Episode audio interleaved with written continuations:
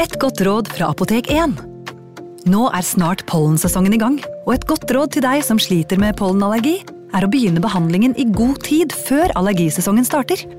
Da får du nemlig enda bedre effekt av legemidlene, og så blir ikke våren din helt ødelagt. Kom innom og få råd på ditt nærmeste Apotek 1, eller chat med oss på apotek1.no. Apotek 1 vår kunnskap, din trygghet.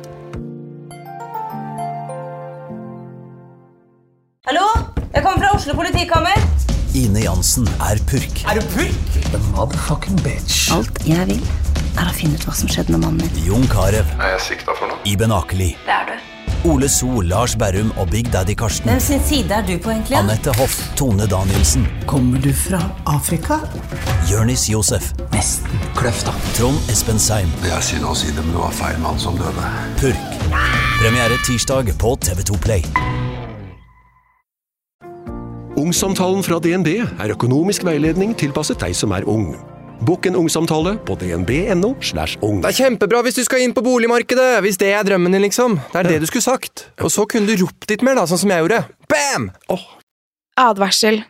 Historiene vi forteller i denne podkasten kan være fiktive og avvike fra den opprinnelige historien av dramaturgiske årsaker. Meninger og påstander i historiene reflekterer nødvendigvis ikke programledernes meninger eller virkeligheten.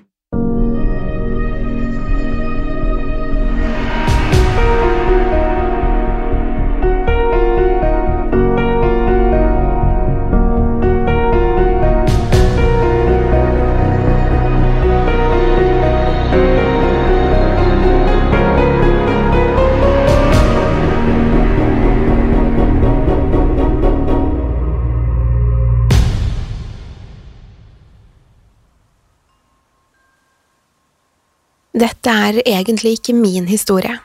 Jeg fikk den fortalt av en eldre mann som ofte kommer innom kiosken hvor jeg pleide å jobbe. Når jeg tenker tilbake på kvelden jeg ble med han til søppelhaugen, reiser hårene seg fremdeles i nakken min. Jeg jobbet i en trygg og rolig del av byen. Det var dårlig betalt, men det var bedre enn ingenting. Jeg jobbet stort sett på kveldstid, og det var ofte lenge mellom hver kunde. Stort sett endte jeg opp med å lese en bok eller surfe på nettet. Dersom det ble veldig rolig, fikk jeg til og med lov til å stenge for kvelden. Mange av kundene følte sikkert at jeg ikke la merke til dem da de kom inn i kiosken. Jeg så dem alltid, jeg bare brydde meg ikke. Den gamle mannen kom innom hver eneste fredag, til eksakt samme tid. Han hadde på seg den samme utvaskede flanellskjorten med ermene rullet opp. Hver gang han skulle betale, brukte han en evighet på å finne frem småpenger fra lommene sine. Han var høflig og sa alltid hallo da han kom inn døren, og takket vennlig for handelen før han dro. Selv om han med alderen hadde blitt lutrygget, så jeg at han en gang hadde vært en sterk og stolt mann. Hver gang han var innom, kjøpte han det samme, en melkekartong og en liten pakke med kjeks. Jeg tenkte at det måtte være til barnebarna, men han kom alltid alene. Kanskje det var kjedsomheten som gjorde det, men etter hvert ble jeg veldig nysgjerrig på hvem han var. Mens jeg gikk rundt og ryddet i hyllene, fortsatte han å dukke opp i tankene mine. Hvorfor skulle en så godt voksen mann komme hit midt på natten bare for å kjøpe melk og kjeks? Forsøkte han kanskje å vende tilbake til et tapt barndomsminne? Plutselig begynte jeg å tenke at det var noe langt mørkere som foregikk. Var han kanskje en gammel pervo som kidnappet barn og holdt dem innestengt i kjelleren sin? Jeg så han hver eneste uke, og vi hilste høflig på hverandre før han betalte og forlot kiosken. Hver gang forsøkte jeg å komme til bunns i mysteriet. Jeg studerte øynene hans, de skjelvende hendene og den trege måten han gikk på, men jeg ble ikke noe klokere. Til slutt føltes det som jeg holdt på å miste forstanden. Jeg var nødt til å finne ut hvem han var, og til slutt bestemte jeg meg for å følge etter han. Jeg brukte noen uker på å legge en plan. Så snart han hadde forlatt butikken, så jeg hvilken vei han gikk. Neste gang jeg så han, låste jeg døren og fulgte etter han. Jeg holdt god avstand og passet på at han ikke så meg. Det var spennende å følge etter han på denne måten. Jeg følte meg nesten som et lite barn som gjorde rampestreker. Mørket var med på å lage en uhyggelig stemning, og skyggene våre ble lange og forvridde i lyset fra lyktestolpene. Jeg fulgte han ut av byen helt til vi kom til en gammel søppelhaug. Han røsket opp porten og gikk inn. Det så ikke ut til å være noe av verdi, og jeg så heller ingen grunn til at han skulle bryte seg inn for å stjele noe. Den gamle mannen forsvant inn mellom søppelhaugene, og jeg måtte skynde meg for å ikke miste han av syne. Det tok ikke lang tid før han ble borte i labyrinten av søppel og skraperester. Lyden fra byen var langt unna, og halvmånen kastet et merkelig, sølvaktig lys over hele plassen. Jeg var i ferd med å gi opp da jeg plutselig kom til et åpent område. På bakken foran meg satt den gamle mannen. Han smilte til meg med et skjevt, gult smil. Det virket som om han ventet på meg. Var det så vanskelig å holde følge med en gammel mann? sa han med en rolig stemme. Jeg stanset, men ante ikke hva jeg skulle svare. Kom litt nærmere, fortsatte han. Det er ikke noe å være redd for, du virker som en nysgjerrig type. Det var vel derfor du fulgte etter meg? Men blir ikke sjefen din sint på deg? Hun stoler på meg, jeg stjeler ikke og får lov til å stenge tidlig hvis det er få kunder. Så du vil heller tilbringe kveldene dine på jakt etter gamle gubber? Han lo en hvesende latter som utviklet seg til en tørrhoste. Du lurer sikkert på hva jeg gjør her ute? Han la hendene på knærne og kom seg opp på føttene. Jeg er her for å holde et gammelt løfte. Jeg har ikke annet igjen å leve for, men jeg kommer fremdeles hit hver uke. Jeg har verken kone, barn eller jobb, men et løfte er et løfte. Jeg nikket mens han fortsatte å prate til meg. Til slutt pekte han bak seg og flyttet seg unna så jeg kunne se. Jeg fikk se et par gamle, bleke dører som sto ut blant alt søppelet. Det lignet nesten på inngangene til et eldgammelt gravkammer. Den gamle mannen gikk nærmere og åpnet en av dørene. Den skjærende lyden av gamle, rustne hengsler brøt stillheten. Selv om jeg sto langt unna, så jeg hvor tykke dørene var. Uten å tenke meg om begynte jeg å gå nærmere. Den gamle mannen fant frem melken og kjeksene og plasserte de i åpningen før han lukket døren. Deretter strakk han ut en hånd og introduserte seg med navnet Møller. Du lurer kanskje på hvorfor jeg kommer innom hver uke? Det er en lang historie som jeg kun har fortalt til noen ytterst få mennesker.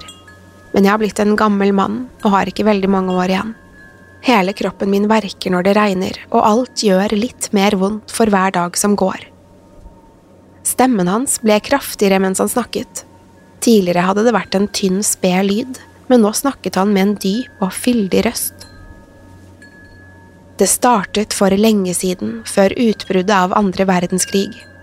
Jeg kjempet selvfølgelig ikke i krigen, jeg var altfor ung. Jeg må ha vært ni, kanskje ti år gammel. På den tiden hadde vi ikke slike nymotens leker eller datamaskiner. Han uttalte ordet sakte og oppstykket, som om han leste et fremmedord for første gang. Munnen hans jobbet virkelig med hver stavelse. På den tiden lekte vi utendørs.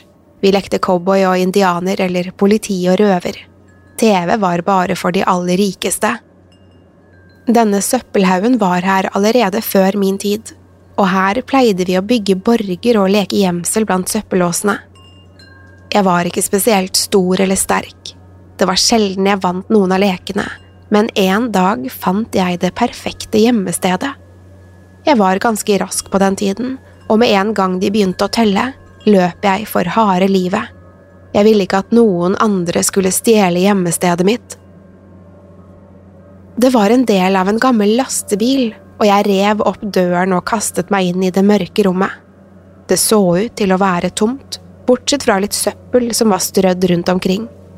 Det var kjølig, og idet jeg lukket døren, kunne jeg ikke se noen ting. Jeg kunne ikke høre noe annet enn min egen pust. Det var det perfekte gjemmestedet, og jeg tenkte at jeg garantert kom til å vinne. Minuttene gikk og jeg begynte nesten å kjede meg. Jeg prøvde å telle hjerteslagene mine, men etter en stund gikk jeg lei av det også. Det var først nå jeg innså at det ikke var noe dørhåndtak på innsiden. Jeg så at hånden hans begynte å skjelve. Det virket nesten som han gjenopplevde frykten. Han knyttet nevene i et forsøk på å stanse ristingen, men det så ikke ut til å hjelpe. Det tok lang tid før jeg innså at leken var over. Jeg hadde allerede sittet lenge alene i mørket. Altfor lenge. I desperasjon forsøkte jeg nå å kaste meg mot veggen. Jeg hamret nevene mot døren og slo helt til blodet rant fra knokene. Jeg skrek så høyt jeg klarte, men det virket ikke som om noen hørte meg. Jeg så at leppene hans skalv mens han pratet. Til slutt satte jeg meg ned, fortsatte han. Jeg må ha sovnet, men det er vanskelig å vite sikkert når man er helt alene i mørket. Snart kjente jeg tørsten, og så kom sulten snikende. Det var den eneste måten jeg forsto at tiden ikke sto stille. Alt var i ferd med å forsvinne mens jeg skrek ut i desperasjon.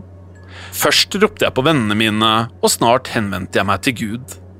Jeg tryglet om å slippe ut av dette mørke fengselet, men ingen svarte meg. Det var like før jeg ba djevelen selv om hjelp, men jeg våget ikke si navnet hans høyt. I stedet sank jeg stemmen og begynte å gråte. Lyden spratt mot veggene og fylte snart hele rommet. I det øyeblikket var jeg sikker på at jeg kom til å dø. Har du noen gang følt at du var døden nær? Nei, svarte jeg kort, mens jeg ristet på hodet. Den gamle mannen stirret rett inn i øynene mine. De virket klarere nå, og det føltes som om han stirret rett inn i sjelen min. Nei, det var det jeg tenkte. Jeg kan merke det bare ved å se deg i øynene. En mann som har stirret døden i hvitøyet, vil aldri bli den samme igjen. Først trodde jeg at det bare var et ekko, men etter hvert følte jeg at det var noen andre der inne med meg. Stemmen jeg hørte, var lysere enn min egen, og det hørtes ut som den kom fra langt unna. Jeg var overbevist om at jeg hadde vært der inne for lenge, og at jeg holdt på å miste forstanden. En, to, tre, fire, fem Jeg talte sakte mens jeg holdt pusten. Men likevel fortsatte gråtingen. Jeg var fullstendig oppslukt i fortellingen hans, men det føltes likevel ikke som han så på meg. De nesten drømmende øynene hans så noe helt annet. Kanskje var de tilbake i det mørke rommet.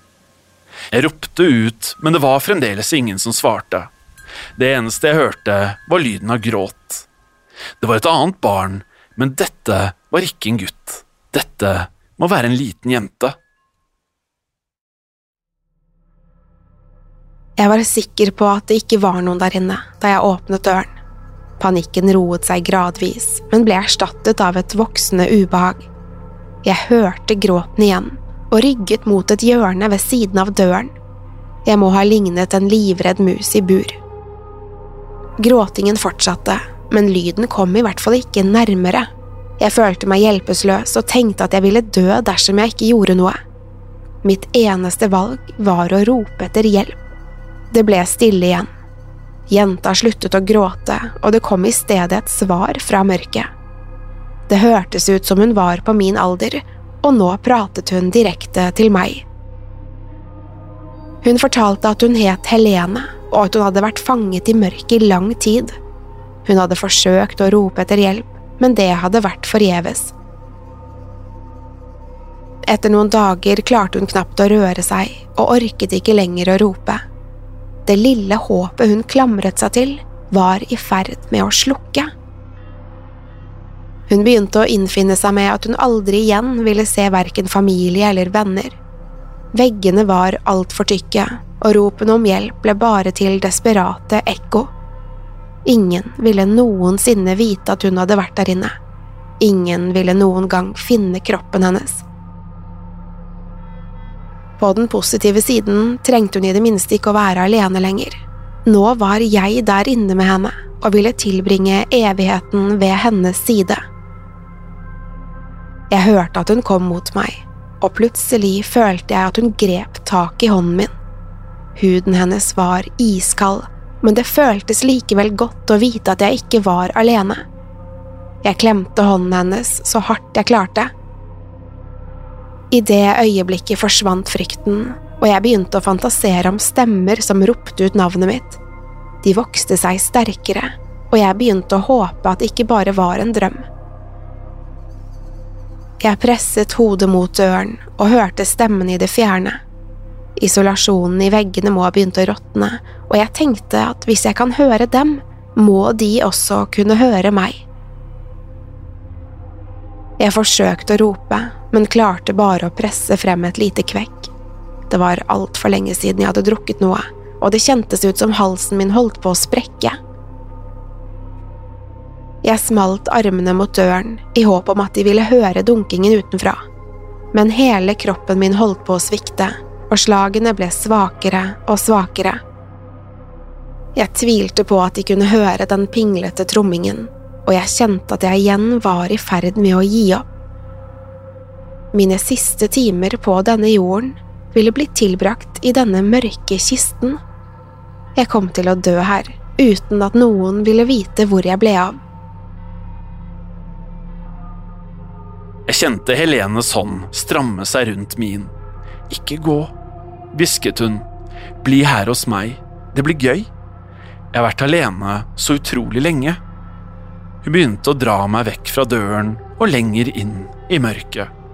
Jeg klarte ikke å kjempe imot, hun var overraskende sterk. Vær så snill, hvisket hun. Nei, foreldrene mine kommer til å savne meg, svarte jeg. Vennene mine er fremdeles utenfor, Neglene hennes begynte å grave seg inn i huden min, og blodet begynte å piple frem. Jeg har ingen venner, sa hun. Jeg hørte sorgen i stemmen hennes, og snart begynte hun å gråte igjen. Jeg kan være vennen din, begynte jeg. Jeg lover, hvis du bare hjelper meg. Vi kan være venner for alltid. Den gamle mannen knyttet nevene. Det virket som om han gjenopplevde berøringen en siste gang. Hun slapp taket. Jeg visste ikke om hun faktisk hadde vært der, men jeg la hånden min inntil kinnet, og den var fremdeles iskald. I samme øyeblikk ble døren åpnet. Jeg hadde endelig blitt funnet. Kraftige armer grep tak i meg og løftet meg ut av det mørke rommet. Lyset svidde i øynene mine, og det tok lang tid før jeg klarte å åpne dem igjen. Noen ga meg en vannflaske, og jeg svelget hele i en slurk.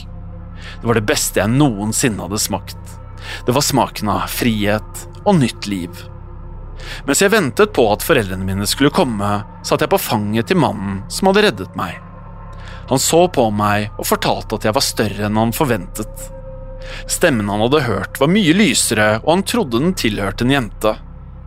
Han bustet i håret mitt og forsikret meg om at det ikke var noe skam å gråte. Så snart foreldrene mine kom, plukket de meg opp og ga meg en stor klem. Da vi skulle til å dra hjemover, spurte jeg om de hadde funnet den lille jenten som hadde vært der inne med meg. De så spørrende på meg, men var tydelige på at det ikke hadde vært noen andre enn meg i det mørke rommet. Jeg nektet å dra før de undersøkte en siste gang. Til slutt tok de med meg til døren og åpnet for å vise at det var tomt der inne. Det var riktignok ikke mulig å se helt inn til den innerste veggen. En politimann lyste inn i rommet med lommelykten sin, så det ikke skulle være noen tvil. Og helt der inne, blant alt søppelet, fikk jeg øye på en lyseblå kjole. Den gamle mannen pustet tungt ut idet han nærmet seg slutten på historien. Med ett så han veldig skrøpelig ut, som om fortellingen hadde tappet han for krefter. Hun hadde naturligvis vært død i flere år, fortsatte han. Hun var allerede i ferd med å bryte ned og lignet nesten en mumie. Jeg tror det skjedde noe med meg da jeg så henne. Jeg husker ikke helt hva jeg sa, men ingen trodde på fortellingen min. De sa jeg hadde vært der alene i mørket for lenge, og at jeg bare hadde mistet forstanden, men jeg glemte aldri løftet mitt. Det har gått 70 år. Jeg har ikke alltid klart å komme hit like ofte som jeg skulle ønske, men jeg har prøvd så godt jeg kan. Han lente seg mot døren og virket nesten andpusten etter å ha delt historien sin. Etter en liten stund rettet han seg opp, men han holdt fremdeles en hånd på metalldøren. God natt, min venn. Stemmen hans var plutselig kraftigere igjen. Jeg skulle til å si farvel, men innså at han ikke lenger så på meg. Han sto nå og stirret mot døren. Etter en liten stund begynte han å gå over plassen. Unnskyld, men du glemte melken og kjeksene, ropte jeg etter han. Han var nesten ved utgangen da han snudde seg tilbake. Blikket hans var fremdeles festet på døren. Nei, jeg glemte det ikke. Vi ses igjen om en uke. Det var et merkelig møte, tenkte jeg. Det var bare en dum historie som man forteller en sen kveld rundt et leirbål. Og han var bare en gammel mann som slet med å skille mellom fantasi og virkelighet. Jeg sukket tungt og studerte månen, som nå sto høyt på himmelen. Det finnes vel verre måter å tilbringe en kveld, tenkte jeg for meg selv. Jeg skulle til å vende hjemover, men det var fremdeles noe som plaget meg. Før jeg dro, var jeg nødt til å åpne døren, bare for å bekrefte at historien hadde vært oppspinn. Jeg grep tak i dørhåndtaket og røsket opp døren. En kald vind slo mot ansiktet mitt. I et lite øyeblikk forventet jeg nesten at jeg skulle finne Helene der inne, men det var ikke noe bak døren. Jeg følte meg tåpelig og flirte litt av min egen barnslige frykt. Det eneste som var der inne, var noen kjekssmuler og en tom melkekartong.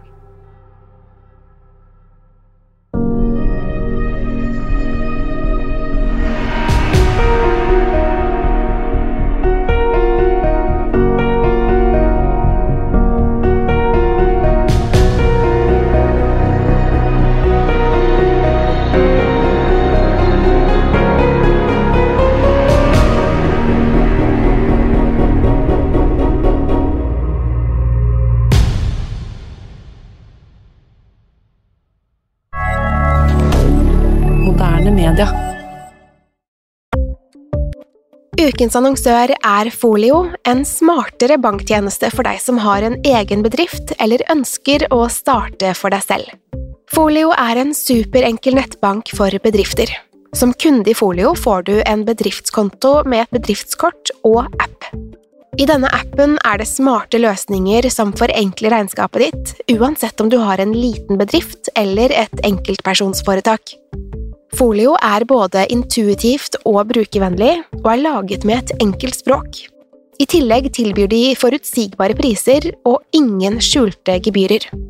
Skulle du likevel trenge det, så kan du snakke med deres raske og hyggelige kundeservice, og der får du prate med en faktisk person og ikke en chatbot.